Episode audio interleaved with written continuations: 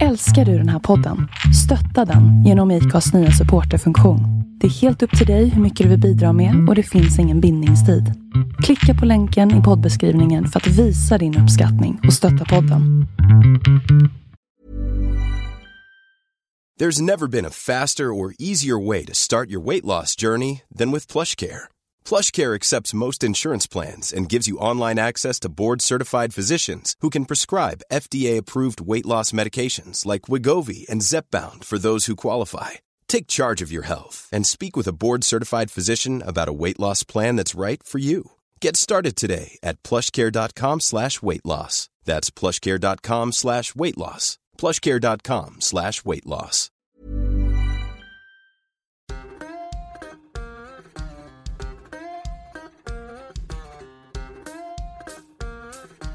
Då har vi bara pratat i ordning mikrofonerna och så har jag tryckt igång inspelningen nu eh, och säger välkommen till Vi måste prata, Rickard Axdorff. Tack så mycket, Emil. Och det här går ju i korthet ut på att podden är en jättebra ursäkt för mig för att ringa upp folk som är lite frän och eh, prata en stund med dem. Just det. Ja. Så eh, betrakta dig som frän. Ja men eh, vad roligt. Frän eh, kan jag leva med. Det är helt Ja. ja, jag har också blivit kallad mycket värre saker eh, än frän. eh, men för de som inte har koll på dig. Eh, vem är du? Om du ska köra hisspitchen på dig själv. Hisspitchen. En försiktig och snäll närking. Nej, eh, så här är det väl att jag är i medelåldern, eh, Närkebo som eh, ofta har åsikter om saker som berör landsbygd och landsbygdspolitik och eh, har väl kanske skapat mig någon slags varumärke om att eh, både vilja och kunna tycka. Ja, eh, vi har ju blivit inkastade i något slags samma fack du och jag. Eh, ett fack som jag tror att det var, var det Snyggbonde eller var det någon annan som benämnde det banjohögern? Ja, men precis. Banjohögern. Jo, nej, men det där har dykt upp eh, på alla möjliga ställen. Och det är väl som så att eh, jag tror att idéer kläcks väl på, på olika håll ungefär samtidigt när, när saker och ting är, är mogen. Eh, och, och det finns en, en rörelse som, eller en gru, grupperingar utav människor runt om i landet som man skulle kunna kalla för någon typ av banjohögern. Du, du har ju själv eh, stiftat någon slags valspråk eh, som jag såg låg även på din Twitter-profil nu för tiden. Ja, Eh, ur- nu ska vi se, för, för Sverige ur vägen. ja och det där, har jag, det där har jag fnulat på i flera år kan jag säga. Det där kommer från, eh, eller så här, i grunden så är det ju kungens valspråk för Sverige i tiden. Sen tog Thomas Di Leva det och eh, släppte, undrar om det är hans självbiografi kanske, som heter För Sverige i rymden, vilket ju är jätteroligt. Ja, Och jag då som numera vill vara mest i fred. Mm. Eh, ja, parafraserade det till Sver- för Sverige ur vägen. Och för mig handlar det om att jag har gått och blivit konservativ här på 40-års, i- så här, i inledningsfasen av 40-årskrisen. Mm. Eh, och det är ju någonting jag, eller så här, 25-åriga Emil, eller kanske till och med 35-åriga Emil, skulle betrakta, eller skulle dra ett likhetstecken mellan konservativ och framstegsfientlig. Och när jag fick upp, när jag vart redpillad, som de säger i USA, Mm. att så är ju inte fallet, så öppnade sig en, en, en lite ny värld för mig. Eh, sen ska nog kalla mig liberal-konservativ, vilket jag ibland får höra att de går inte att kombinera. Och när man hör det från någon att de inte går att kombinera, då vet man att man har att göra med en människa som inte har fattat någonting. Mm. Eh, vad skulle, hur skulle du betrakta konservatism? Alltså om vi, om vi går liksom ner, om vi kokar ner den till den ideologiska kärnan. ja, på, på något sätt så... Banjohögern är ju till, till sitt format egentligen inte möjlig att facka in. Den bara är. Eh, den eh, kan lika gärna anamma idéer på någon slags politisk skala som är till vänster som är till höger. Det handlar ju mindre om att prata om saker och stoppa in i olika fack och eh, hänvisa till olika typer av teorier, utan det handlar snarare om att det är en grupp människor som eh, till att börja med vill, vill sköta sig själva eller vara i fred som du säger, men, men som kanske dessutom agerar istället för att eh, bara prata om saker och ting. Eh, kör, kör snog, eh, låt säga att, eh, eh, för att ta ett exempel, plogbilen eller massvis med lastbilar blev ståendes på vägen utanför för att det var halt. Ja, men då, då tar ju banjohögern fram så här, spade och, och, och skottkärra och grus och åker ut och liksom ser till så de kommer loss, så de kommer därifrån för att de är i vägen. Och vi, vi ska iväg och leverera lamm till slakteriet eller någonting i den stilen. Mm. Vi måste liksom lösa problemet. Vi sätter oss ju inte och ringer och är förbannade på att Trafikverket inte kommer och löser situationen åt oss. Eh, så att jag skulle säga att banjohögern karaktäriseras väl av människor som dels vill vara i fred men som framförallt på något sätt vill, vill lösa saker. Se till så att skiten funkar helt enkelt. Mm. Eh, och... och det är väl där någonstans vi landar liksom i ett större perspektiv över hur vi ser på, på i den mån vi bryr oss om eh, saker och ting som är längre bort än 5-6 mil så är det väl just det att skiten funkar inte, då får vi fixa det. Eh, och det är väl därför banjohögern på något sätt kliver in innanför tullarna i, i Stockholm. För att eh, man anser att skiten inte funkar. Och då får vi fixa det helt enkelt.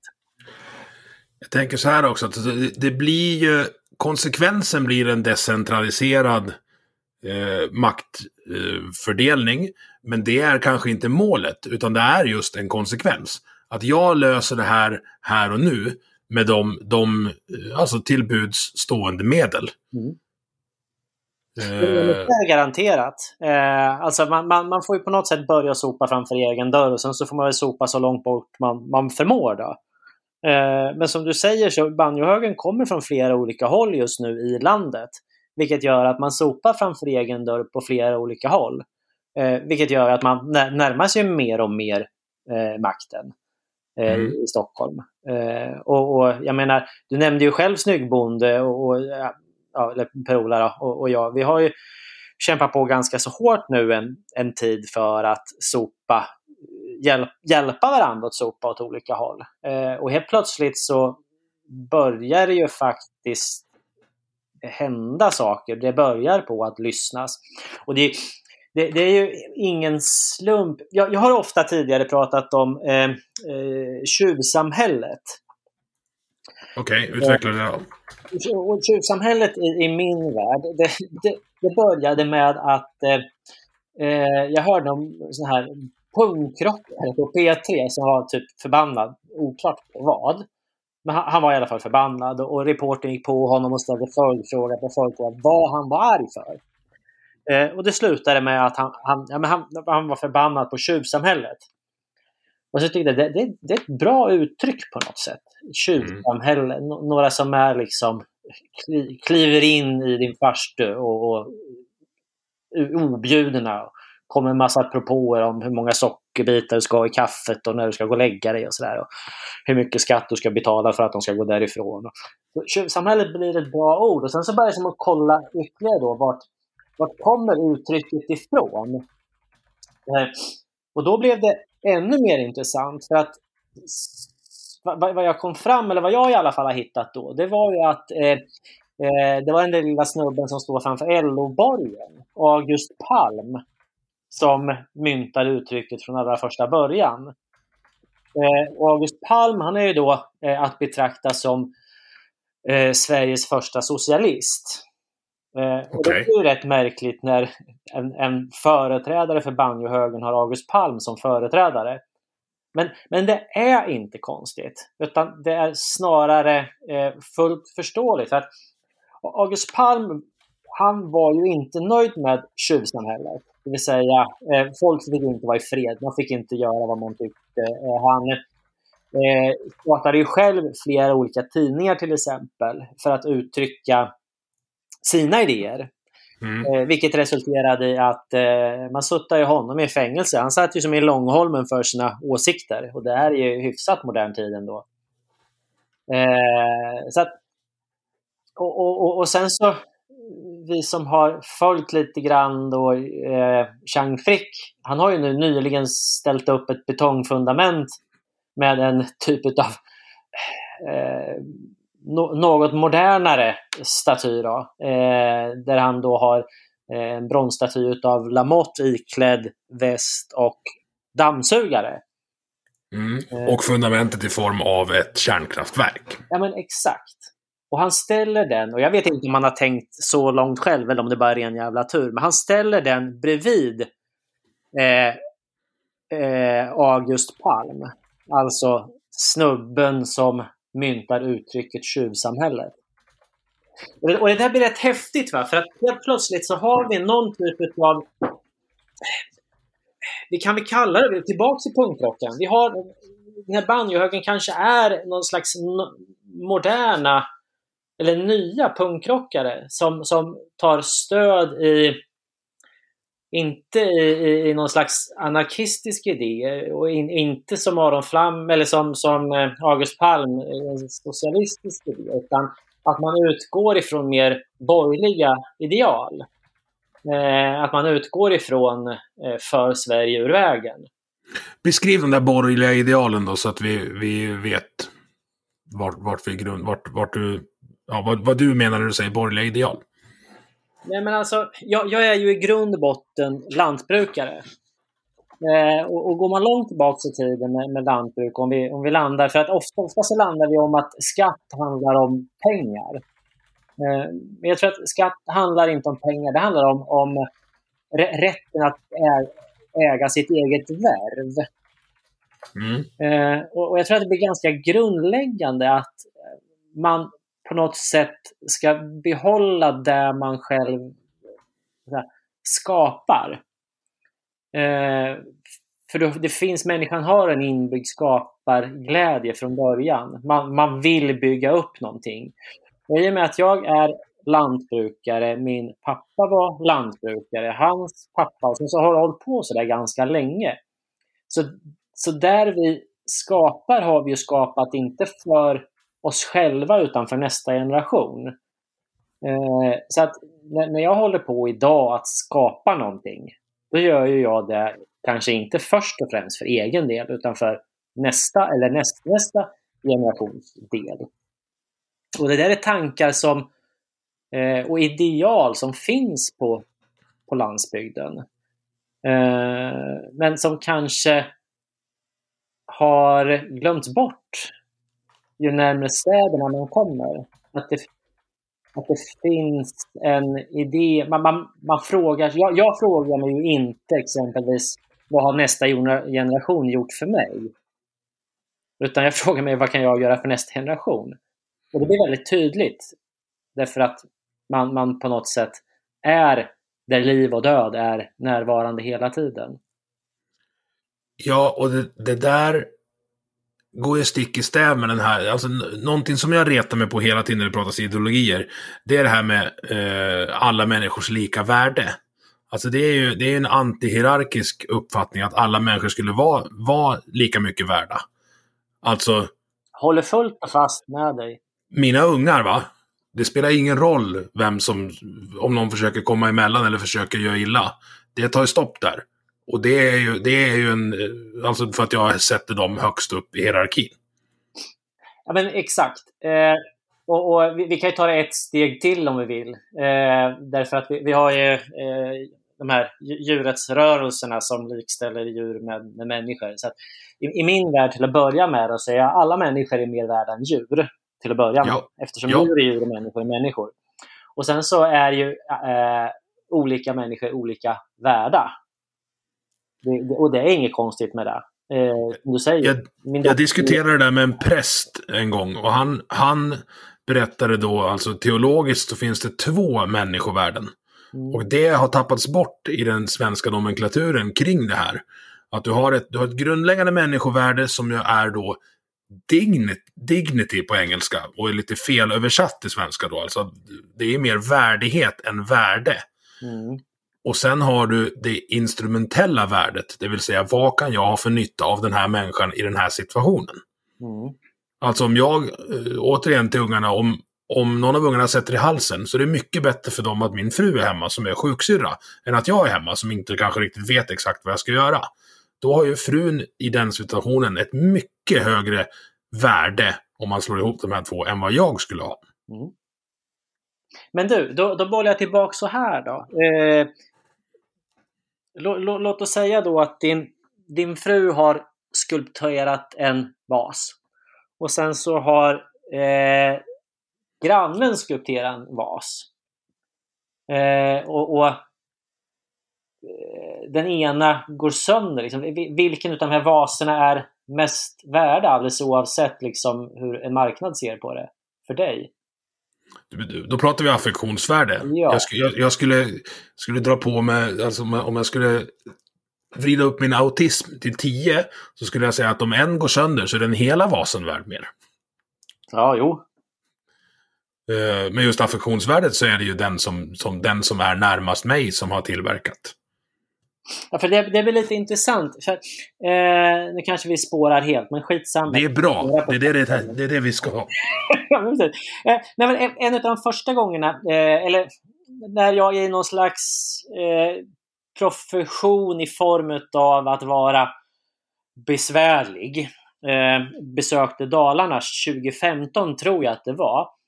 Eh, jag skulle besöka besparingsskogarna i Orsa Eh, och en tjej som hette, eller heter Carita som var, var VD där.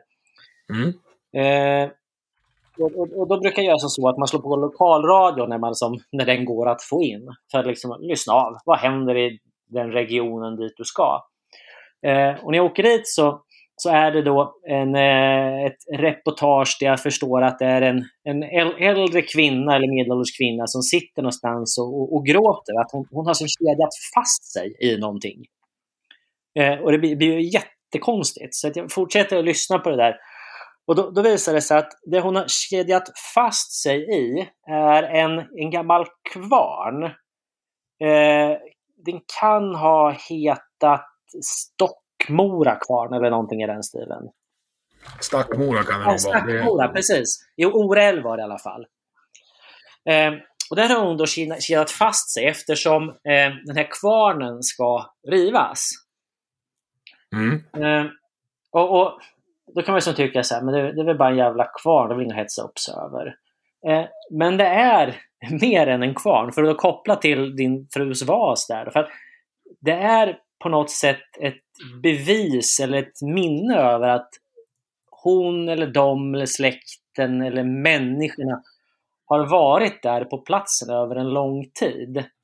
Och och då har det här mänskliga värdet på något sätt vandrat iväg till någonting som är en, en, en, en byggnad eller ett monument eller vad vi nu ska kalla det för då, över tidigare generationer. Eh, och där har man ju nu rivit ut den här dammen eh, och man har på något sätt plundrat landsbygden på ett minne av att landsbygden har varit befolkad. Eh, och jag tycker det här är, eh, det här är ändå ganska intressant för där då landar vi i det här med att man vill bara man vill egentligen bara vara i fred. Och i det här fallet så är det då någon domstol långt bort i stan som har bestämt att den där dammen ska rivas då för att eh, Ore älv ska bli ja, återställat till förindustriellt skick. Det vill säga innan människorna på något sätt hade påverkat. Uh, och, och, och, det här tar oss till en intressant tanke det här med, vad, det här med att vara i fred eh, och, och, hur, hur symbolvärdet i att kliva in i din vardag och städa upp det som är dina minnen men som ses som någon annans synder på något sätt. Ja, och jag kan tänka mig att om, i min värld så skulle de ju bara, men så här, okej, den, ser- den, den är gammal och så, men kan du tänka dig att ta hand om den? Ja, det kan jag tänka mig. Bra, hade hon den här människan som alltså kedjar fast sig framför då bulldozrar och grejer, fått i uppdrag att ta hand om den här kvarnen så tror jag att den hade varit ganska fint skick just nu. Ja, men det tror jag med. Alltså, och, det, och vi snackar gamla grejer. Alltså, det, eh, jag har för mig att för, första kvarnen där byggdes någon gång på 1700-talet. Den man rev den var ju från 1830 någonting. Eh, det är på få ställen i landet som du ens får tillstånd att liksom, ens röra så gamla byggnader. Nej, och där strejkar någonting lite i mig, eller det ringer en varningsklocka i alla fall. Just det här att någon, någon långt borta eh, ska bestämma. Oavsett om det är riva eller bevara, så borde de besluten tas där de får effekt. Mm. Ja men precis. Ja, men, eh, ja, men dels det och sen så den här plundringen av historien som sker. Eh, man försöker på något sätt att radera ut en historia. Och jag tycker det är läskigt. För, eh, man kan ju tycka liksom att, att bevara gammal historia kanske är att liksom, drömma sig baks, tillbaks till ett annat samhälle liksom när vi ja, hade kostymer och red på hästar och plöjde och ropade på, på hästarna hette Lotta och såna där saker. Men, men jag, jag tror på något sätt att där his, historien finns bevarad, speciellt ute på landsbygden, så finns det liksom ett, ett hopp om en framtid också. Mm. Eh, och bara det tror jag gör det värt att bevara historien.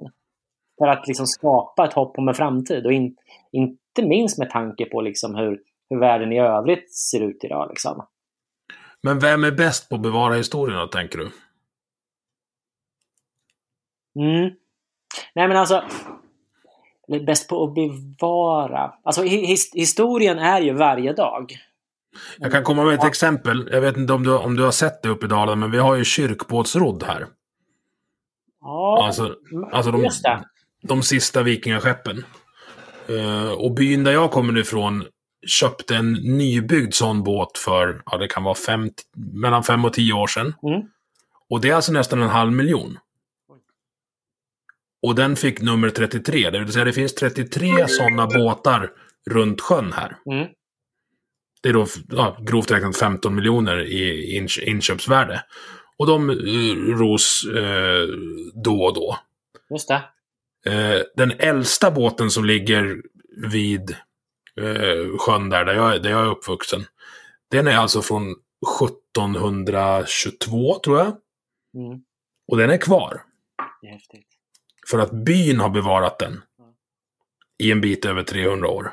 Alltså om man, om man tänker, det här är 1722. Det är 13 år efter Poltava. Ja, Det är en ganska frän eka att ha kvar. Nu är det ingen eka, den är nästan 10 meter lång. Men alltså, eh, min poäng är att historia kan bevaras som någonting man gör. Det vill säga ro, bygger och ror de här båtarna. Men det kan också, också dokumenteras. Det som händer varje dag kan man kan inte, besvara, man kan inte, bespara, man kan inte spara fysiska minnen av allting. Utan det är viktigt att do- dokumentera också. Men man får fortfarande inte bli eh, framstegsfientlig. Alltså de som bygger kyrkbåtar bygger ju inte kyrkbåtar och tycker att de som åker motorbåt ska hålla sig i vägen. Mm. mm. Nej, men- nej men precis, och det var väl... Jag kanske var lite otydlig förklarare, jag förklarade men alltså att där, där du har din historia och gärna en, en levande historia, eh, till exempel kyrkbåten, där, där finns det ett hopp om en, om en framtid. Alltså där är man per definition mindre så här, fientlig inför framtiden eller bakåtsträvande. Därför att du, har, du, du vet att det finns en historia, därför finns det en framtid. Mm. Man, man vet att okej, vi, vi, vi har åkt på den här, på den här eh, sjön liksom sedan 1722. Eh, och vi kommer göra det även 2222. Eller 2322.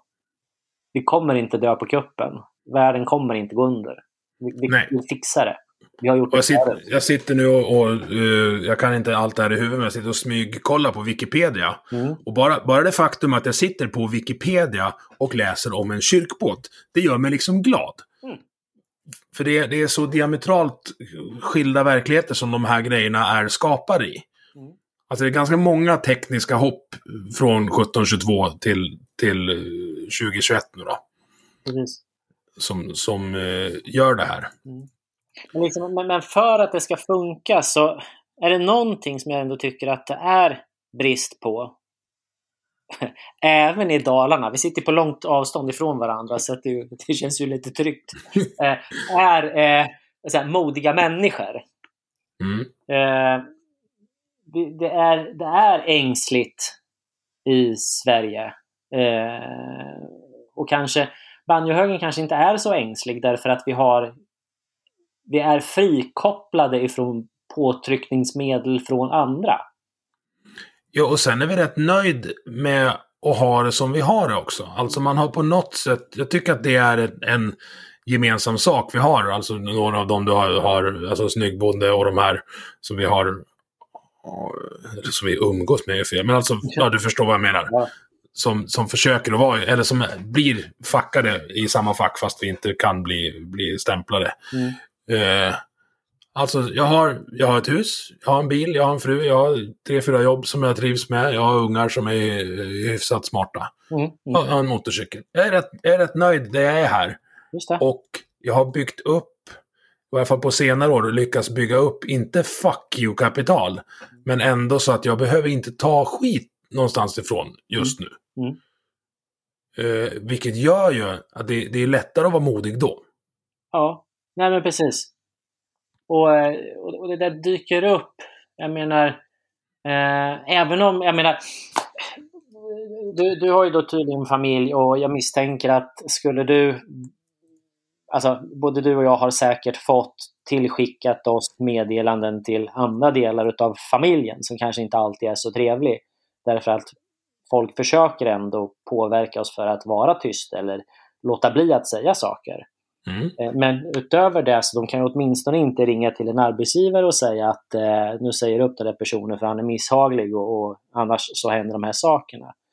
Eh, och och, och sånt, sånt förekommer ju alternativt att man har en arbetsgivare som tycker att man inte får eh, vara här, frispråkig på, på sin vardag eller på sin fritid. Det- det- Jag har, jag har, faktiskt, lyck- jag har faktiskt lyckats hålla mig eh, lagom politiskt inkorrekt hittills. Så det har, inte- det har inte varit...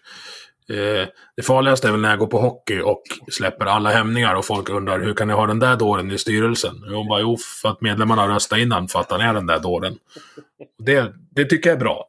De ska Ja. veta vad de får. Ja, du, du har inte fått ditt eh, första dödshot än alltså? Och, och då, Ja. Det, det fick jag eh, för, kan vara, 20 år sedan. Det var också hockeyrelaterat. Någon från ett annat lag som eh, ringde mitt i natten och sa att du kommer höra en yxa i, i dörren i natt. Och då eh, svarade jag älgstudsare. och, och så vart det tyst. eh, ja. för, för protokollet, jag har inte jägarexamen. Jag äger ett luftgevär från Hobbex för 299 kronor. Det är hela min vapenarsenal. Pappa sa alltid att kan man inte göra så mycket kan man åtminstone skrämmas utav bara den. Eh, Så att det, det, det är en bra metod. Ja, och eh, vi ska ju prata mer om dig än om mig, men jag stökade lite när jag var eh, 20-25 år. Det vart en del slagsmål och, och så. Mm. Problemet då är att när man märker att man inte är gjord av glas, Mm. då blir man ju, alltså då blir ju deras våldskapital skrämmer inte mig. Och nu pratar jag inte om våldsmonopol, utan andra människors våldskapital är inte, det beror ju naturligtvis på vem det är, men det, jag är inte så rädd för att få stryk. Nej, alltså, eh, alltså li- li- livet på landet gör ju det med en på något sätt. Eh, I alla fall om man tvingas vara lantbrukare och ha åsikter. Att man, efter ett tag så blir man ju faktiskt lite, lite mera hårdhudad. Eh, eller luttrad kanske. Eh, på, på gott och ont. Eh, men man, man förväntar sig snarare att någonting ska hända. Så att man, man, har, man är beredd, man har garden öppen. Vilken typ av hot är det du och, och din familj har drabbats av då? Nej, men alltså, det ju- händer ju lite dödshot och det mejlas ju och sådär och det har synpunkter. Men sen så märker jag ju liksom hur även eh, de, de, i, de som jag har pluggat med som det har gått bra för, eh, delar utav dem har det gått bra för därför att man har glidit med på ett smart sätt. Mm. Eh, jag har inte gjort det och därför så är jag eh, här, inte anställningsbar inom eh, exempelvis skogssektorn. vilket ju samtidigt kanske är en, kan vara bra, jag vet inte. Men, men jag skulle vilja koppla tillbaks till, till, eh, till Carita. Mm. Eh, för anledningen till att jag åkte i Carita, det var ju för att jag hade en idé om att eh, säga, vi som, eller de som brukar natur eh, behövde en, en, mer, en oberoende eller mer oberoende röst som eh, talade för dem eh, och inte minst i Stockholm. Eh, där eh, så då, jag åkte på någon slags Eriksgata och försökte få tag på, på folk som var beredda att stoppa in pengar i eh, Naturbrukarna Sverige för att vi skulle komma igång. Eh, och till slut så landade jag hos Carita eh, som var ju skitmodig. För det, där alla andra sa hela tiden att men Rickard, nej det funkar inte för han, han är alldeles för konfrontativ. Jag mötte det hela tiden. Eh, men Carita eh, som ju är tydlig, hon sa väl ungefär i stil med att ja, men vi, vi, vi har ju som motat dansken ur det här landskapet en gång förr, det vi nog göra igen. Eh, och sen så eh, ansåg väl hon att om, om, om vi kan skicka Rickard till Stockholm och se till så att vi blir lite fredade i vårt skogsbruk i Orsa så är det en bra grej för besparingsskogarna. Eh, så att jag har ju faktiskt Orsa besparingsskogar, eller besparingsskogarna ska jag väl säga, för det var inte bara Orsa utan Lima och några till. Då, eh, att tacka för att det drog igång från första början. Vad, alltså hur såg hotbilden mot dem ut? Alltså varför ringde de dig? Nej, eh, men det blir återigen det här med att bandhögen poppar upp överallt. Alltså att eh, de här företeelserna där eh, möjligheten att bruka naturen efter eget eh, huvud på något sätt eh, minskades hela tiden. Eh, och då då krävs det liksom att två stycken ska mötas som är beredda att gå från ord till handling. Eh, och jag mötte väl Carita där hon precis hade gått på någon nit där man behövde handling helt enkelt. Eh, så så det, det, vi hade brottas med det var ju liksom inskränkningarna i möjligheten att bruka marken. Eh, och Orsa, nu kommer jag inte ihåg exakt årtal, men i Orsa hade man ju då ingen kommunalskatt fram till 1900, vad ska vi dra till med, 35 kanske någonting i den stilen då. Därför att det var besparingsskogen som stod för alltså, det allmänna. Mm. Uh, och då blir det väldigt tydligt när de pengarna stryps. När man märker att uh, den, den natur vi brukar, brukade kan vi inte bruka och därför så blir det färre ambulanser. Vad, vad det för någon, alltså någon sån här form av certifiering eller motsvarande som inte gick igenom så de fick, eller, eller typ, vad heter det, artskydd? Ja, nej, ja, nej, men det, det, det handlar ju om att eh, vet, vi har ju natur som håller på att dö och vi måste vara rädda om den och det, vi behöver skydda den och, och det ena med det fjärde. Och det är liksom, det kommer ifrån våra myndigheter, eh, ifrån politiska önskemål, ifrån önskemål ifrån tjänstemän och en hel del påbud ifrån eh, Bryssel. Eh, och det, det, det är jobbigt att hålla emot alla dessa krafter som kommer.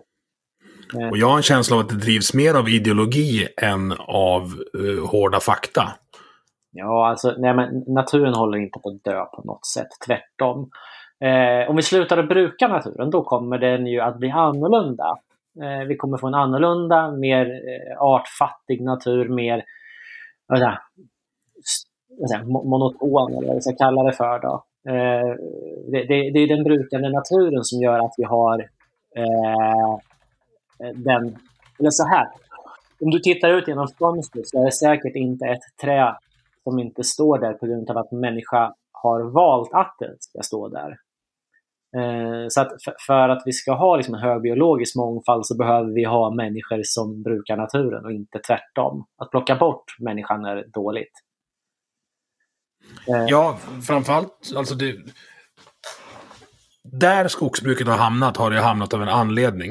Mm.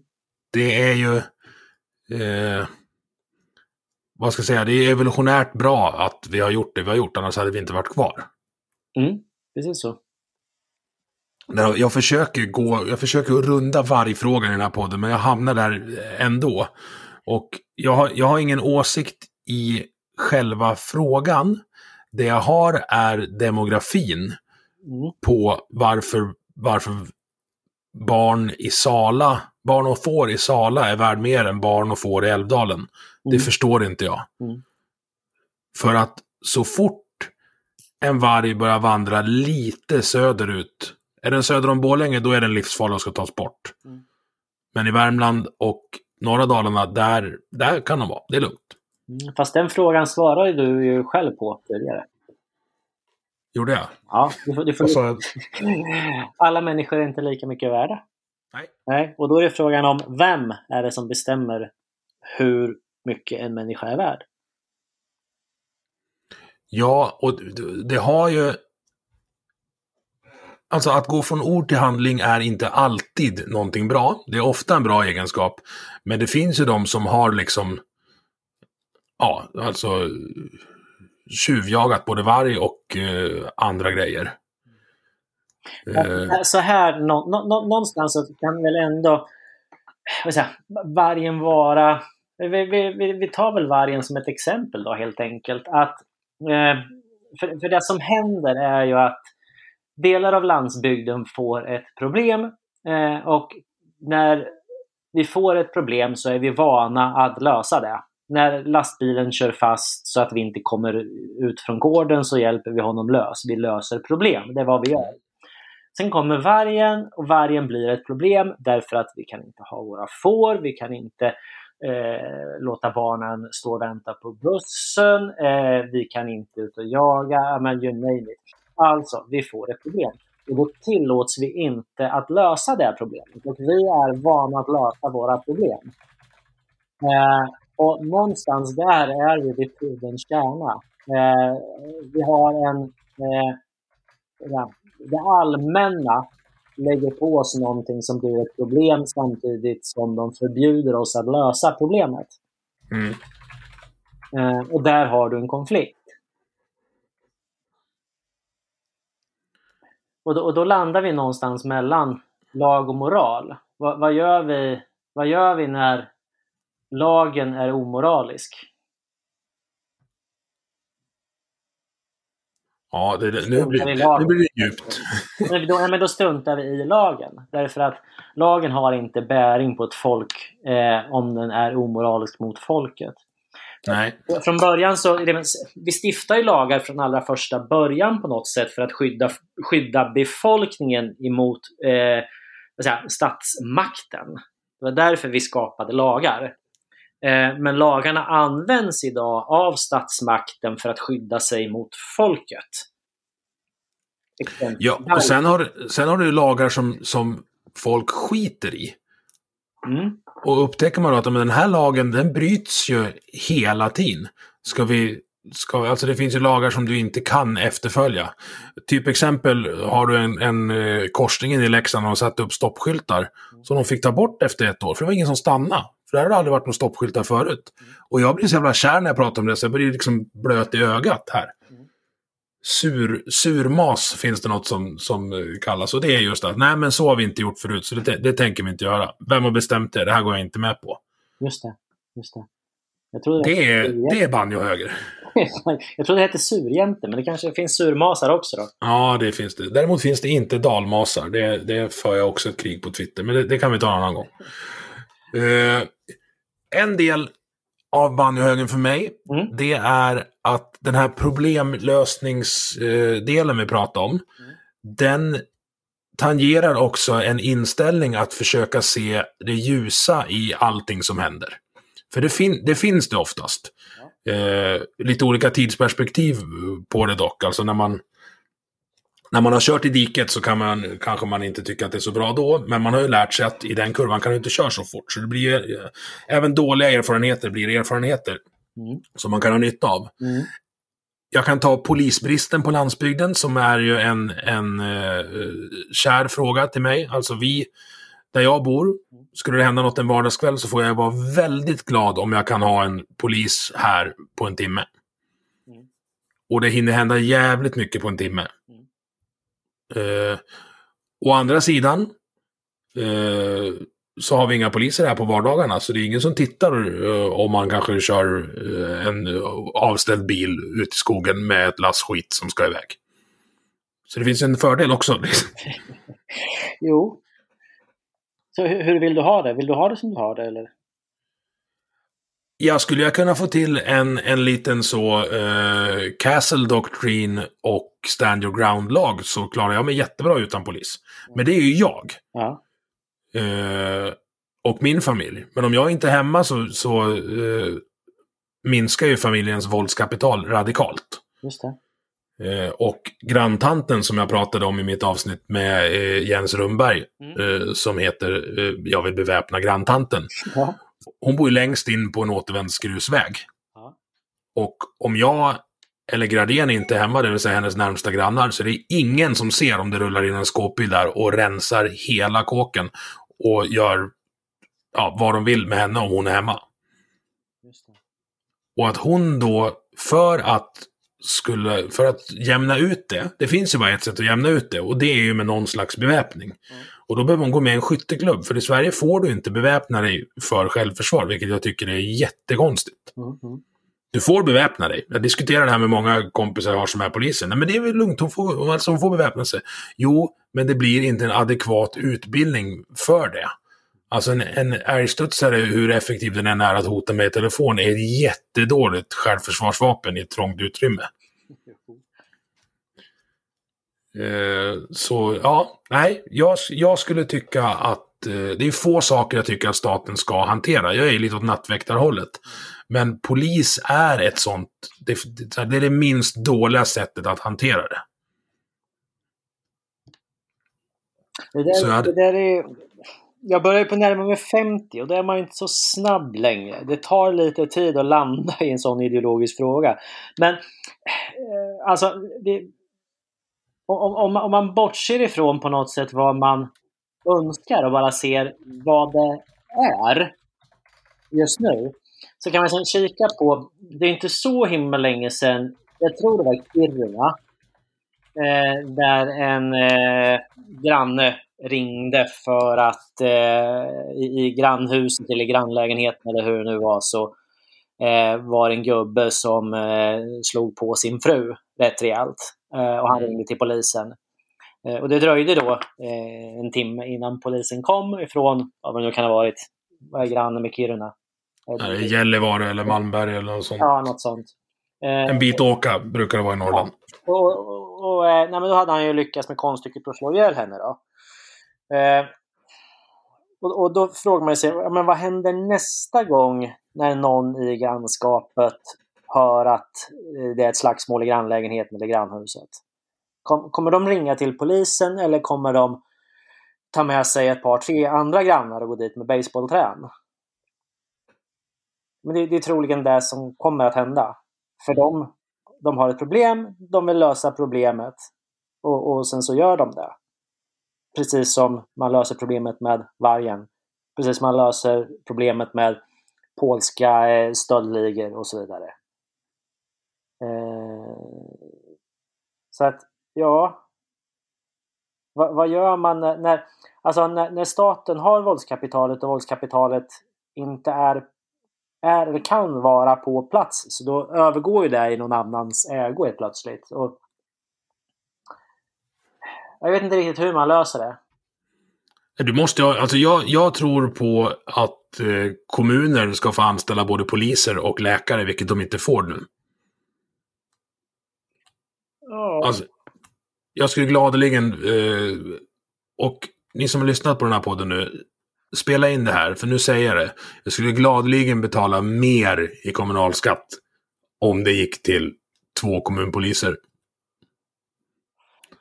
alltså, Men, men å andra sidan, två kommunpoliser på den här, den här ytan, om det händer någonting i Tällberg samtidigt som det händer någonting i Djura, då är vi fucked ändå. mm. Men det, där- det där blir lite intressant, för vi, vi pratade lite grann tidigare om den här eh, regionaliseringen.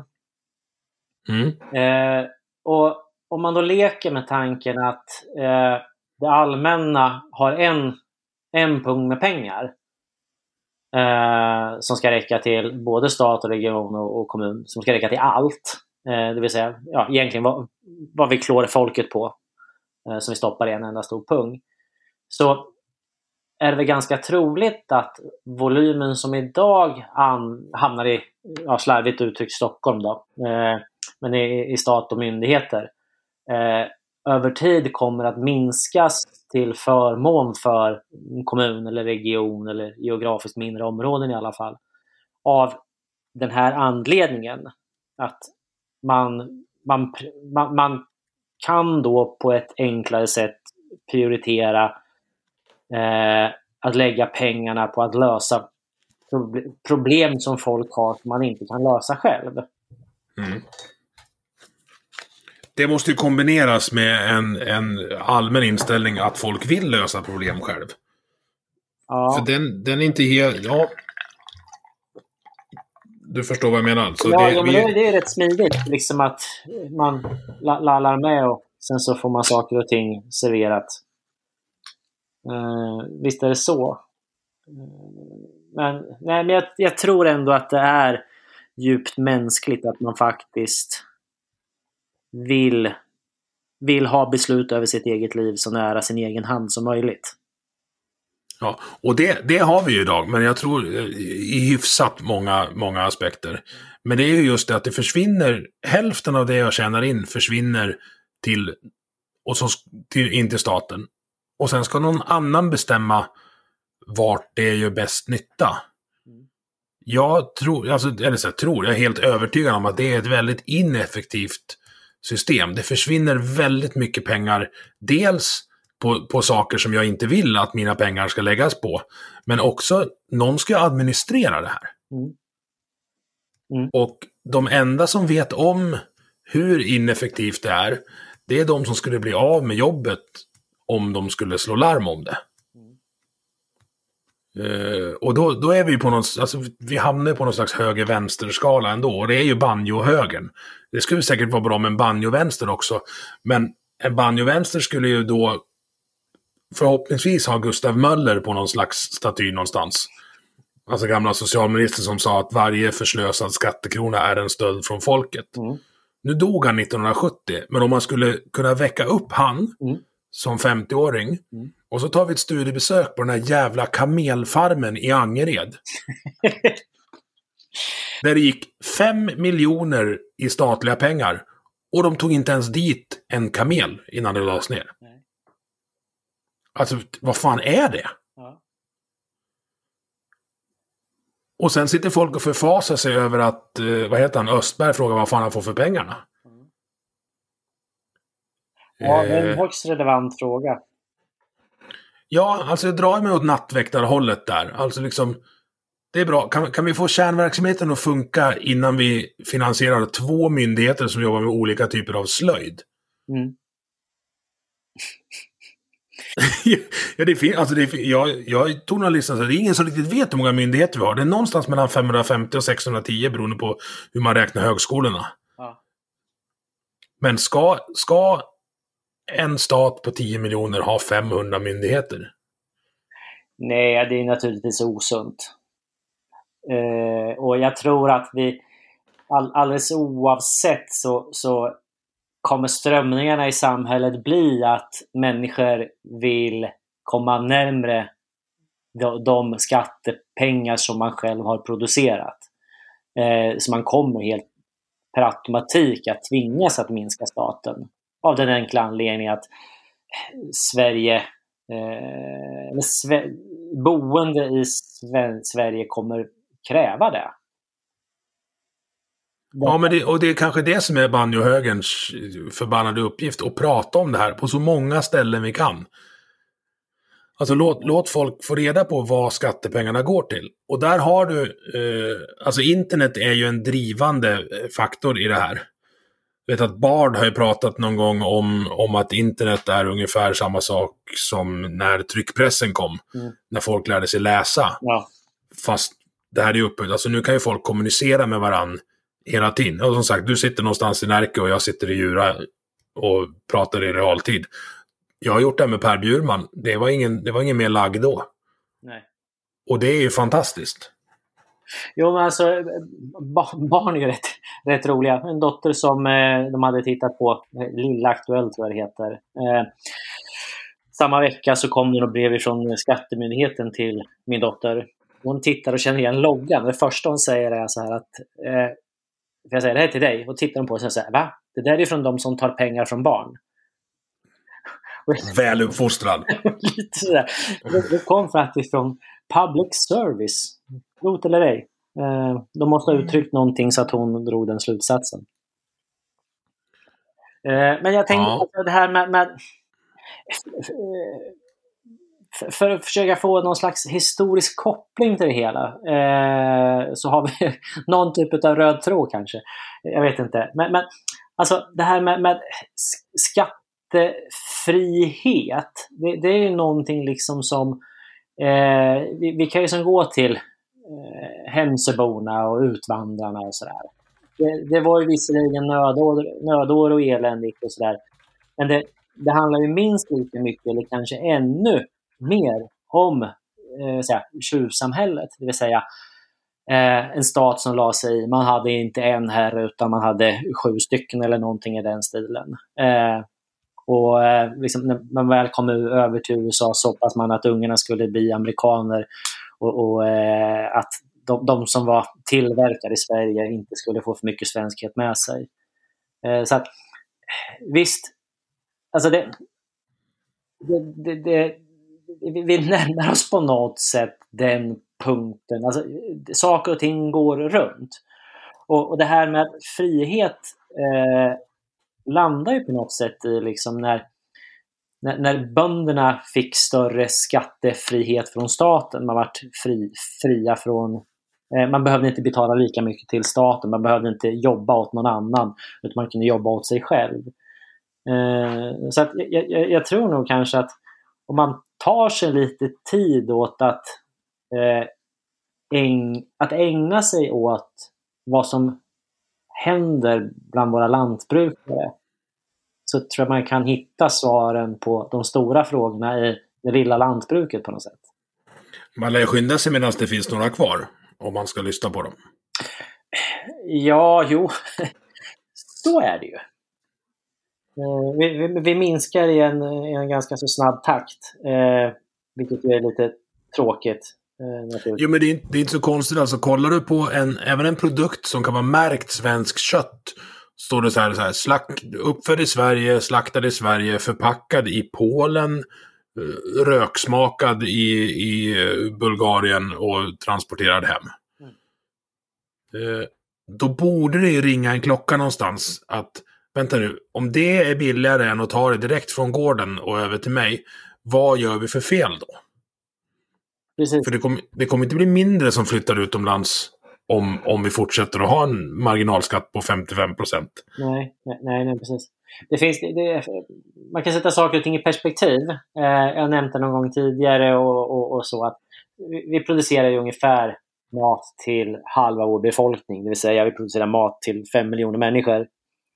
Och sen så kan man jämföra med Danmark då, som producerar mat till 50 miljoner människor. Alltså en 10 potens till. Eh, mm. De, de har ungefär samma förutsättningar som oss, alltså naturgivna förutsättningar. Det är ingen större skillnad. De har mindre yta. Ja. Ja, det är, det är ungefär jämförbart, men, men ändå. Eh, det, är mindre, det är ungefär samma jordbruksyta. Okej. Okay. Ja, eh, och, och, det borde finnas en anledning. Och, det handlar ju inte bara om att svenska bönder är dåliga. Nej, sen är ju folk rädd för dansk fläskfilé. Eh, kanske med viss rätt.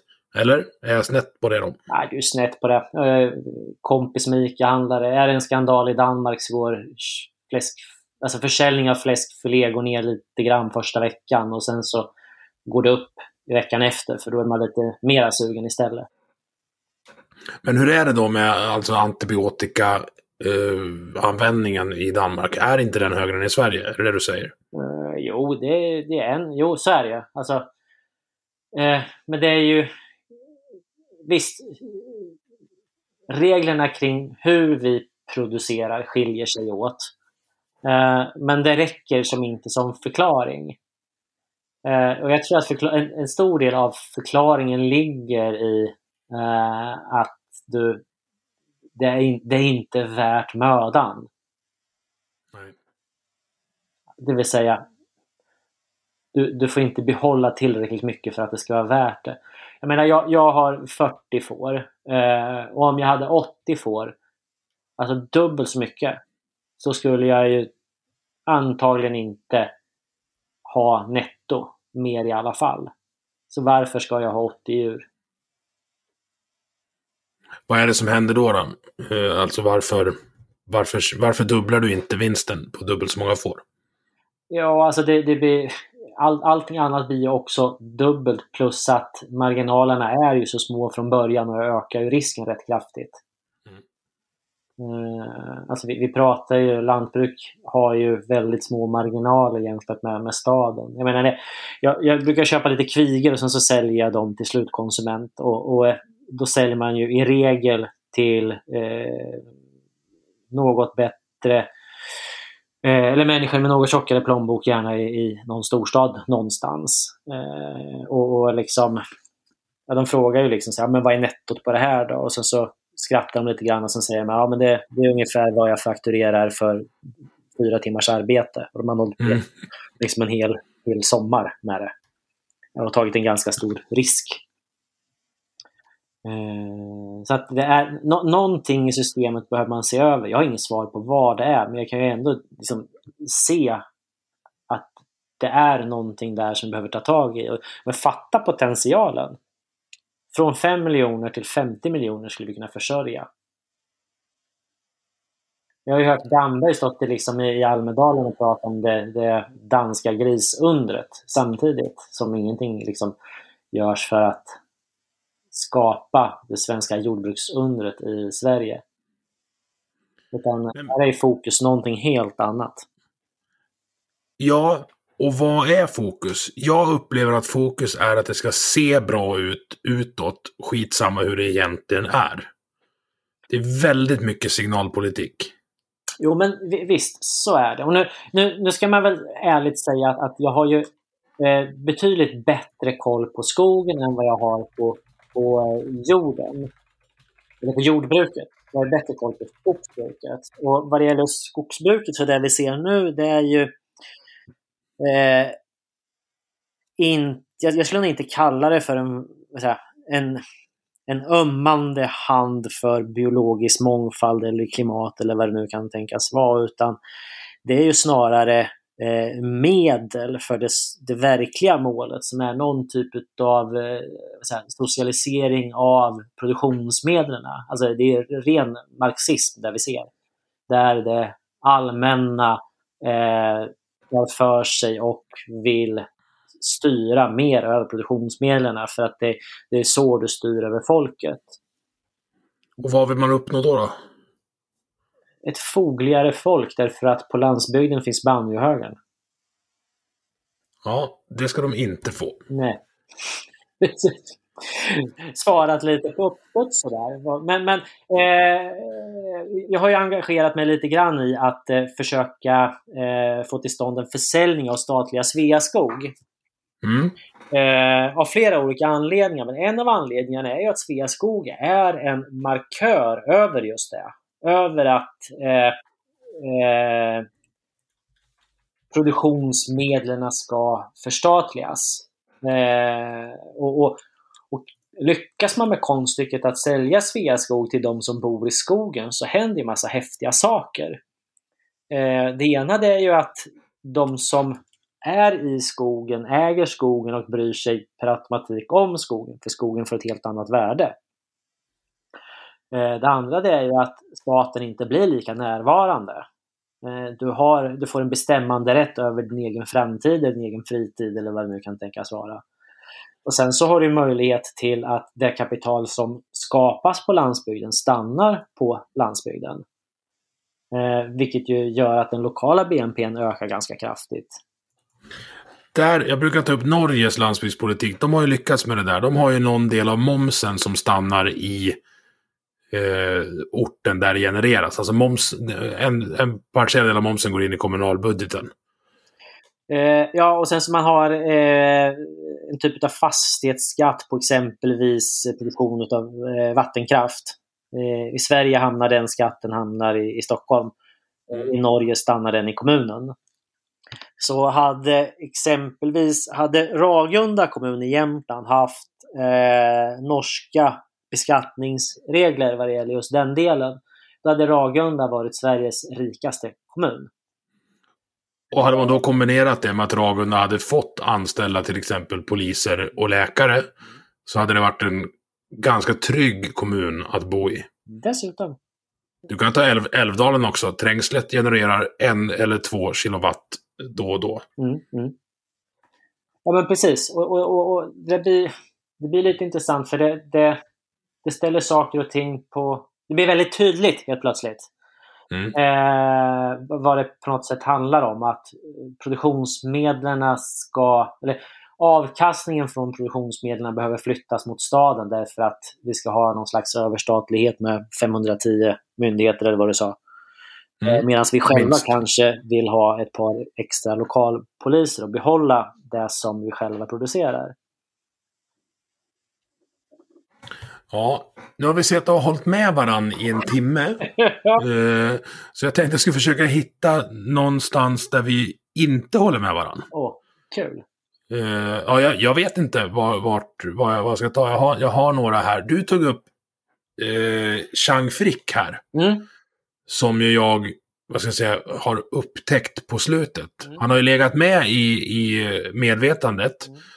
Uh, som ondskan själv är ju så det har ut, utmålats. Mm. Men det är nog den största trickster vi har i svensk media just nu. Vad menar du med trickster? Jo men alltså som alltså, trickstermyten är ju alltså du har ju Loke, uh, Karlsson på taket, alltså såhär, någon som kommer in från sidan, utmanar allt och alla och får folk att säga jaha, okej, okay, vi dog inte när vi pratade om det här. Mm. Eh, och det var ju han som ställde upp statyn där av kärnkraftverket med Lamotte på. Mm. Men eh. alltså han, han... Jag tror att han skulle dra ungefär samma slutsatser som vi har dragit idag. Jag tror säkert han skulle eh, skriva under på någon typ av att han, han, han kan eh, anse sig tillhöra just banjohögen. Eh, det, det, det, det, finns antagligen intelligent tanke till varför man ställer statyn bredvid, eh, utanför Elleborgen och precis bredvid August Palm.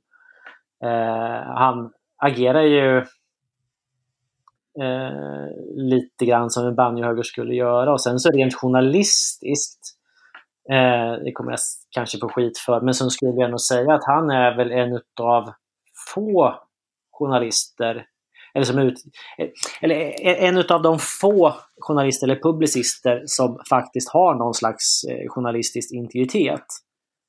Eh, där det finns eh, säga, den, den, den, den gamle gode journalisten finns kvar där. Det, det, det är inte ett agendasättande på samma sätt som exempelvis DN. Eh, så att eh, jag menar, eh, nej men något sånt så. Så att nej, där kommer vi inte bli osams heller. Nej, jag ska försöka få med han här. Jag har försökt. Han driver ju tillsammans med ett, ett gäng första och andra generationens invandrare en podd som heter Sista måltiden. Mm. Som jag tycker ni ska, ska eh, lyssna på allihop. Mm. Men ta det i beaktning, den bilden jag fått av Chang Frick, och så hör ni vad jag säger, han sitter med Mustafa Panshiri, Hanif Aziz, eh, nu glömde jag bort vad Omar heter, och sen Ashkan Fardost. Mm. Och pratar just väldigt tydligt och med integritet om integrationsproblemen. Mm. För det är också alltså så här, det är ju först nu, det vart, vart ju en riktig vändning på både journalism och regering eh, efter flyktingkrisen där. Eh, att nu går det att prata om saker som för fem år sedan hade gjort dig fullkomligt oanställningsbar. Mm. Jo, men så är det ju. Alltså, eh, det... Ja, men så är det. Det är ju sjukt. Ja, ja, det är jättesjukt. Alltså, det, det, de uttryck eh, och eh, de åsikter, de förslag till lösningar som jag hade 2015 när jag försökte få ordning på skogsindustrin, för då gick det fortfarande, eller för skogsbranschen. Eh, där är ju delar utav skogssektorn idag, alltså sju år senare. Eh, för idag går det att uttrycka och anledningen till att det går att uttrycka det är ju att eh, jag och några till har flyttat fram barriären för vad du kan säga. Och sen kan resten följa med bakom. Eh, och, och vad det gäller just exempelvis sista måltiden och alla de här andra. Det, det, det är bra att de finns där, men det är ett problem. Problemet uppstår ju att det är samma jävla människor hela tiden. Mm. Olika plattformar som säger samma saker.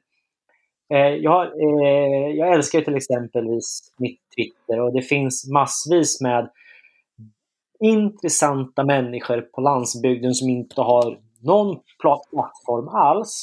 Eh, och som antagligen inte vet om hur briljanta de är i sina tankar om hur vi bygger ett framtida Sverige som skulle behöva lyftas fram. Jag menar någon, någon eh, gitarrist i Torsby som, som är helt briljant. Eh, vi har Per-Ola har vi pratat om redan. Det, vi har en utkastad journalist i Kälarne. Jag menar, det, det finns massvis utav människor som borde få en plattform men som inte når ut. Och det, det, finns ju något så här first mover disadvantage också. Alltså, du, som du säger, du var, först, du var ju först av båten i Normandie då, 2015. Mm. Och då är man, man blir väldigt sårbar då, när man är först ut. Ja, ja, det gjorde skitont. Men eh, grejen är ju att 2011 var ett stort år för mig. Då, då dog min pappa och vi fick en dotter samtidigt. Eh, och eh, då blir det väldigt påtagligt det här med liv och död och, och eh, liksom vad man har och vad man förvaltar från ena generationen till den andra.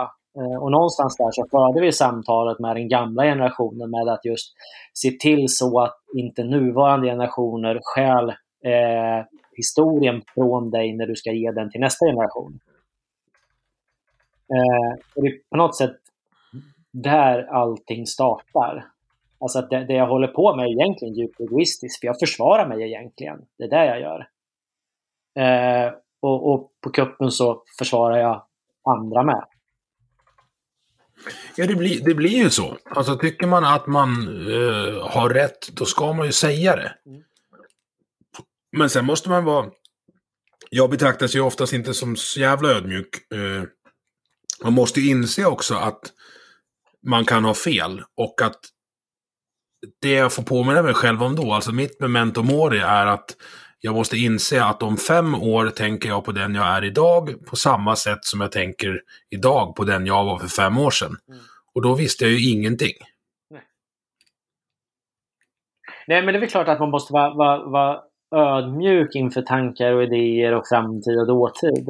Eh, men kommer inte det per automatik på något sätt?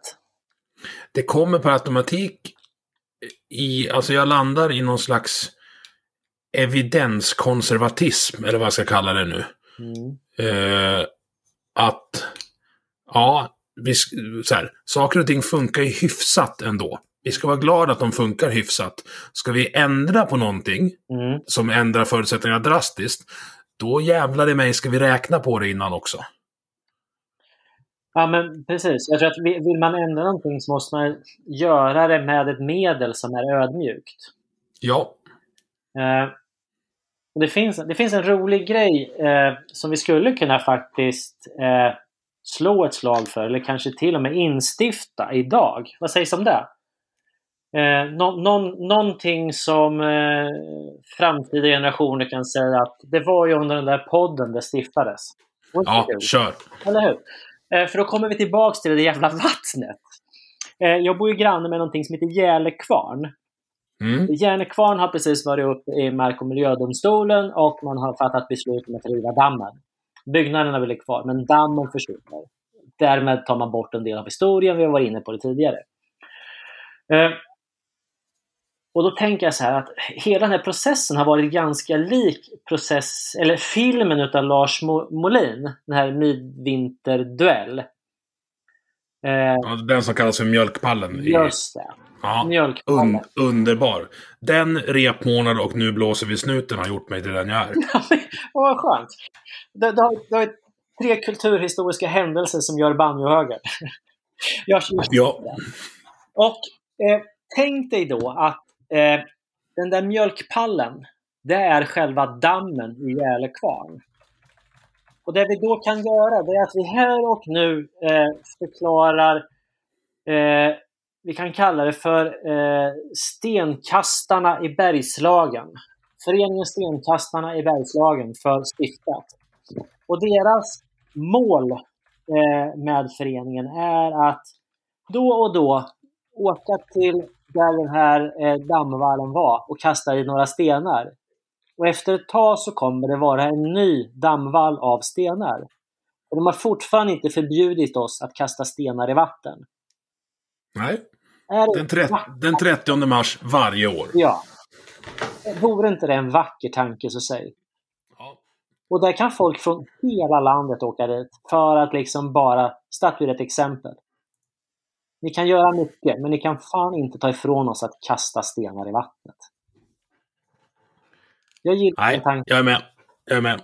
Jag ska bara ta det där jävla motorcykelkörkortet så jag kan ha, jag kan ha det som avrostning varje sommar, varje vår att jag ska dit. Ja men vad härligt! Härmed gör jag dig till sekreterare i Stenkastarna i Bergslagen. Oh, det är många som har gjort mig till sekreterare eller protokollförare. Det ångrar de bittert. Men jag ska, jag ska göra mitt bästa. Ja, verkligen. Eh, du, ja? eh, populism, vad är det? Är det det vi håller på med nu? Nej, det är det inte. Vi löser problem. Det kan inte vara populism. Pop populism är... Eh, vad fan är det? Nej, men så jag, anledningen till att jag frågar är att jag tror att vi tangerar det. För ja. populism har en tendens att uppmåla eh, en elit som fjärmar sig från folket. Mm. Men om det de facto finns en elit som fjärmar sig från folket så kan det ju inte vara populism att utmåla dem som det. Är du med på... Ja, jag är med på det. För jag, jag hävdar med en dåres envishet att varken Sverigedemokraternas växande stöd eller att Donald Trump uh, vart president eller att de genomförde Brexit är problemen. Det är olika symptom på problemen. Mm. För en del i mig som jag blir som, som, ja, men som bara skriker rakt ut det är den här delen som när, när folk försöker sälja in mig på saker som jag vet att det här är inte sant. Det, så här är det inte. Mm. Jag, jag, jag har tre exempel. Du har när Mona Salin går ut och säger att det finns ingen svensk kultur. Mm. Bara, mm, precis. Eh, kom till det här landskapet där jag bor i och gå omkring en sommarvecka så, ja, så kan vi prata sen. Mm. Eh, vi har vad, vad heter han? Sandro Scocco som, kommer, som skriver någon slags rapport, ekonomisk rapport om att Sandviken kommer tjäna eh, miljoners miljarder på, på eh, invandringen. Och vi har eh, de här som, som hävdar att det inte finns någon biologisk skillnad på killar och tjejer. Och all, allt det här är ju sånt som jag inte bara blir matad med via framförallt public service. Jag blir tvingad att betala för det också. Och det gör ju att bara så här, kan vi, kan vi, kan vi, kan vi landa i att vi är på samma planet någon gång? Mm. För det är så, alltså framförallt, jag, här, jag har två döttrar, de går på dagis. Och, eller ja, förskolan, förlåt, nu kommer de att ta mig snart. Uh, Nej, men det räcker, att gå in, det räcker med lämning och hämtning där för att konstatera att det är skillnad på killarna och tjejerna i samma ålder. Och det är ingen jag har pratat med som jobbar nu, uh, inte på, det, på den förskolan, men jag har kompisar som jobbar på andra förskolor och de säger att jag vet, vi står i, det står i läroplanen att vi ska motverka könsstereotypa beteenden, men det kan vi inte göra. Det går inte. Vi kan inte tvinga grabbar att leka med dockor. Nej, nej. Men, men om, man, om man tänker på något sätt att, liksom att populism handlar om, om folket och eliten, så då är kanske inte banjohögern någon av dem. Nej, vi är också ett symptom, säger jag. Ja, precis. På att, på, just på att det har... Det, det finns ett växande avstånd mellan de som bestämmer och de som får ta konsekvenserna av besluten. Och det avståndet är livsfarligt. För det är där de riktiga populisterna får syre. Men så här, jag skulle säga att populismerna, populismerna är de som de som är förbannade för att inte kommunen kommer att flytta lastbilen som står i vägen. Eh. Banjohögern är förbannade men ser till att grusa upp vägen. Och banjohögern har en traktor så de kan dra upp den här lastbilen. Dessutom, nej men på något sätt att eh, eh, skillnaden mellan populismen och banjohögern att banjohögern är beredd på något sätt eh, att eh, vara en del av konsekvensen för att göra saker och ting, eller göra,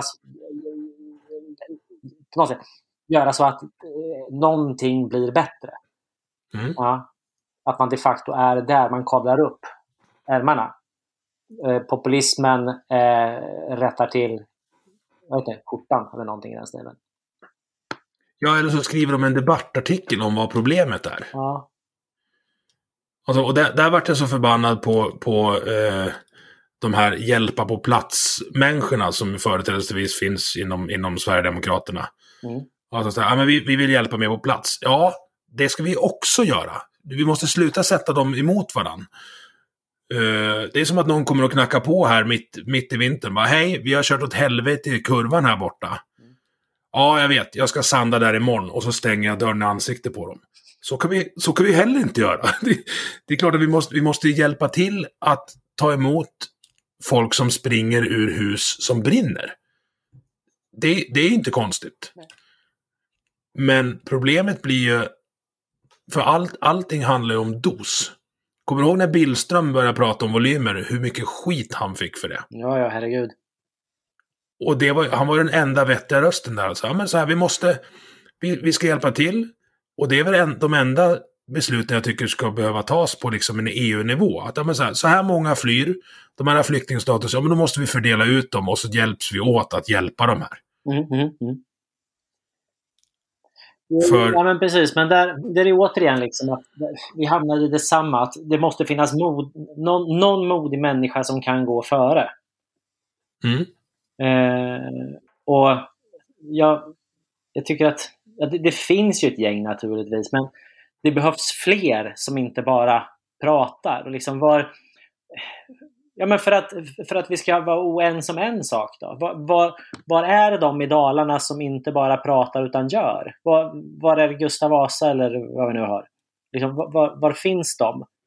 Eh, var, var, finns de som ställer sig och, och eh, liksom kastar ägg på eh, riksdagshuset och kräver ansvar? Var, var, är, vart är det motståndet som inte bara pratar utan verkligen gör? Var är Dalarnas franska bönder? Är det det du säger? Ja, ja nej men alltså...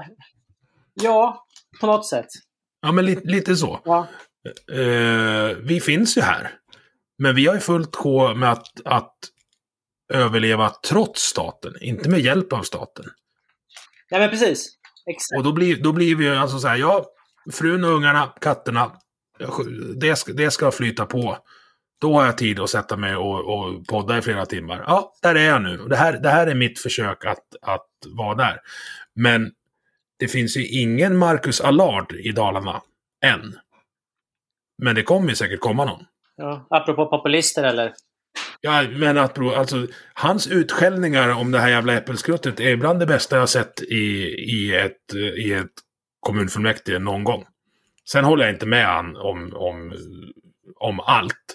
Men han, han står ju där och säger åt dem vad andra människor sitter hemma vid köksbordet och tänker, eller i bästa fall pratar med sin, sin gubbe om.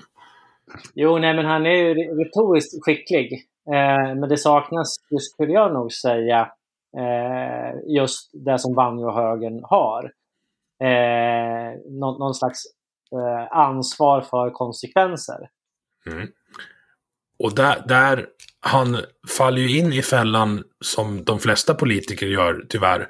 Att de pratar mest om vad andra har gjort fel eller inte gjort. Istället för att eh, ge en lösning. Precis. Precis. Och det, det är just där, det är där populismen kommer in. Att när du har så många gentlemen's agreement mellan de, de alltså mellan riksdagspartierna. Att men vi gör så här och vi gör så här och vi gör så här. Det blir en snöboll som rullar bort från folket. Mm. Och så kommer det någon och ställer sig lite närmare Svenssons upplevda verklighet. Mm. Ja. Och där står Jimmy Åkesson och bara hovar in rösterna. Och ju längre de låter Sverigedemokraterna stå bredvid och bara gnälla utan att ha något ansvar, de kommer bara växa och växa och växa. Ja, jo, nej, men så, så är det. det. Och jag får ju skäll ibland för att folk tror att jag ska rösta på Sverigedemokraterna. Det kommer jag inte göra. Sverigedemokraterna är... Eh, dels är de socialdemokratiska, men de är ju också... De lever ju på att presentera enkla lösningar på komplexa problem för opålästa människor. Ja, för det, det blir lite roligt, för du har ju liksom... Eh, om, om vi grovt förenklar så är det, det är antagligen som så att eh, bo, att man, man kan tänka sig att rösta på Sverigedemokrater eh, i, till riksdagsvalet. Men rösta på någonting annat i kommunalvalet. Eh, därför att, men i, där du bor så är det i regel inte invandringen som är problemet. Utan Nej att rösta på Sverigedemokrater handlar snarare om eh, en symbolhandling just över det faktum att man är eh, säger, trött på ett system. Ja, det är ett finger. Ja, men sen så är ju liksom eh, ja, Sverigedemokraterna är väl på något sätt, de, de är inte mindre socialister än någon annan. Eh, de är, Nej, det var ju det vi skulle börja med idag. Eh, Så 1.21 in på inspelningen då, så säger jag, jag har ingen att rösta på. Alltså banjohögern har ingen att rösta på. mm.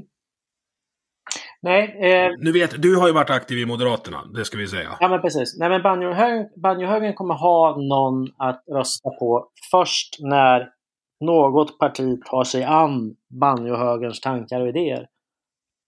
Eh, och jag, jag vet att det finns mer eller mindre färdiga liksom, partiprogram för hur man skulle kunna eh, lyfta in banjohögerns tankar och idéer i valfritt eh, högerparti. Det är bara liksom att moderater eller kristdemokrater hör av sig så lyfts det in per automatik.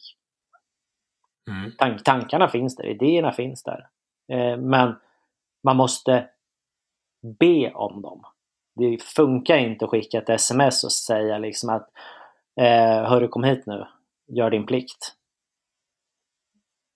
Nej, för det blir också, vi, är ganska, vi klarar oss ganska bra själv. Ja, Nej, men det är, precis. För vi, vi är inte där för att rädda oss själva.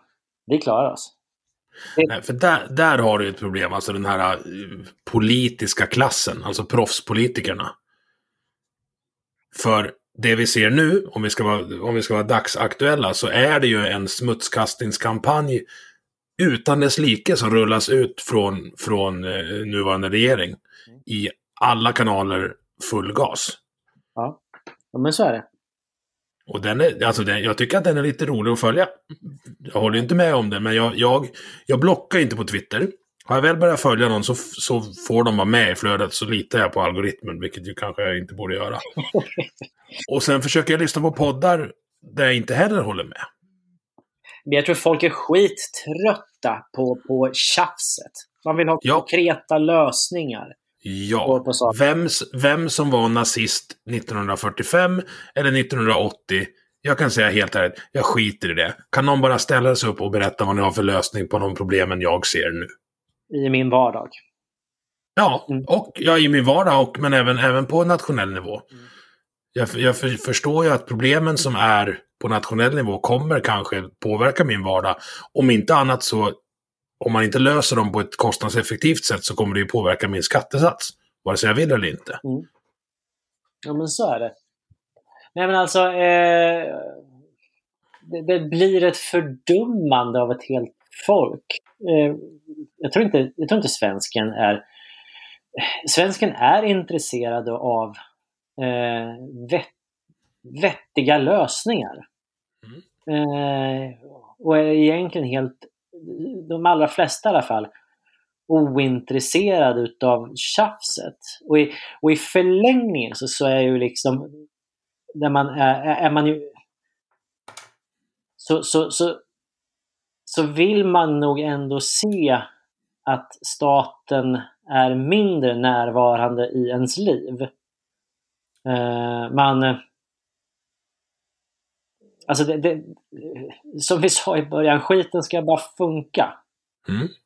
Uh, och då, när, väl, när vi väl är där, då, då tror jag att då, alltså en, en vettig politik uh, behöver vi som på något sätt drabbas av den inte fundera på. Nej, och när vi behöver det. Alltså så, här, så lite stat som möjligt i vardagen. Men när man behöver den, då ska det jävlar mig funka också. Ja.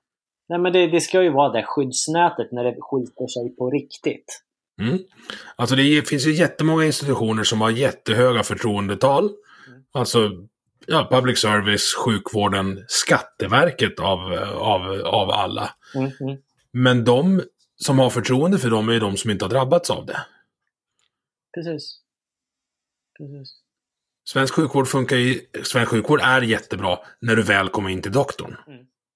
Men där, där, finns det också någon sån här, om det var på 80-talet, så avskaffar man läkarsekreterare för att sekreterare sågs som ett mindre värdigt yrke. Vilket gjorde att du dubblade administrationsbördan på svenska läkare och de fick mindre patienttid. Jag tror att vi har hälften så mycket patienttid per doktor kontra till exempel Tyskland. Nej, jag vet inte, men det, så kanske det är. Så kanske det är. Ja, jag eh, tror att vi börjar närma oss ett slut på första gången du var med här. Men jag kan säga att jag kommer ju tjata på att, ni var, att du ska vara med eh, igen. Det är, det är så, mycket, så mycket punkter här som jag inte har lyckats... ja, gärna. Gärna det. Jag, jag, tycker sånt här är roligt. Och, och eh, liksom det är ju... Eh, för att eh, travestera en gammal arbetsgivare. Det, eh, det är diskussionen som främjar eller utvecklar tanken. Ja, så är det. Och nu, jag är lite besviken på att vi håller med varandra i princip eh, allting. Oj, nu ska jag kasta en sak på dig. Eh, det skrevs en debattartikel igår på Svenska Dagbladet om Mattias, vad heter han? Eh, Mattias Neo heter han på Twitter i alla fall. Ja. Eh, om legalisering av eget bruk av droger. Vad, säger, vad tror du banjohögern säger där? Du som är partiledare. eh, jag tror nog att banjohögern säger att eh, eh, för eget bruk. Jag funderar ganska mycket på det där. Jag har, jag har en, en kommande gäst som har jobbat med eh, laglig cannabisodling i Kanada. Det kommer bli jättespännande.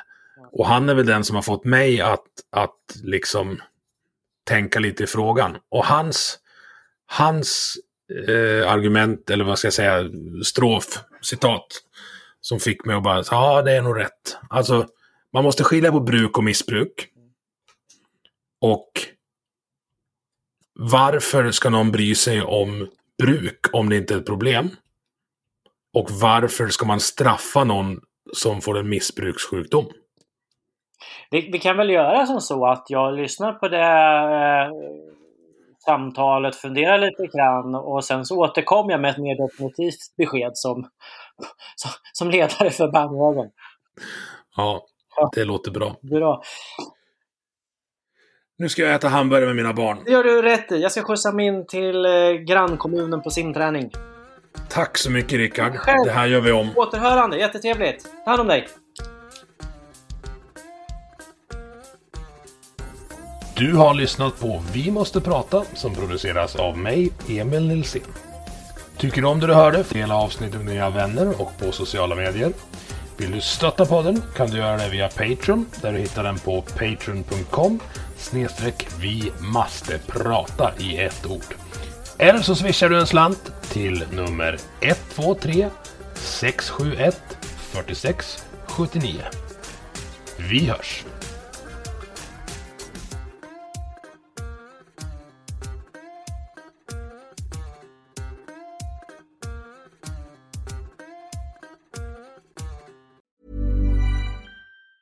Planning for your next trip? Elevate your travel style with Quince. Quince has all the jet setting essentials you'll want for your next getaway, like European linen, premium luggage options, buttery soft Italian leather bags, and so much more. And it's all priced at 50 to 80% less than similar brands. Plus, Quince only works with factories that use safe and ethical manufacturing practices. Pack your bags with high-quality essentials you'll be wearing for vacations to come with Quince. Go to quince.com slash trip for free shipping and 365-day returns.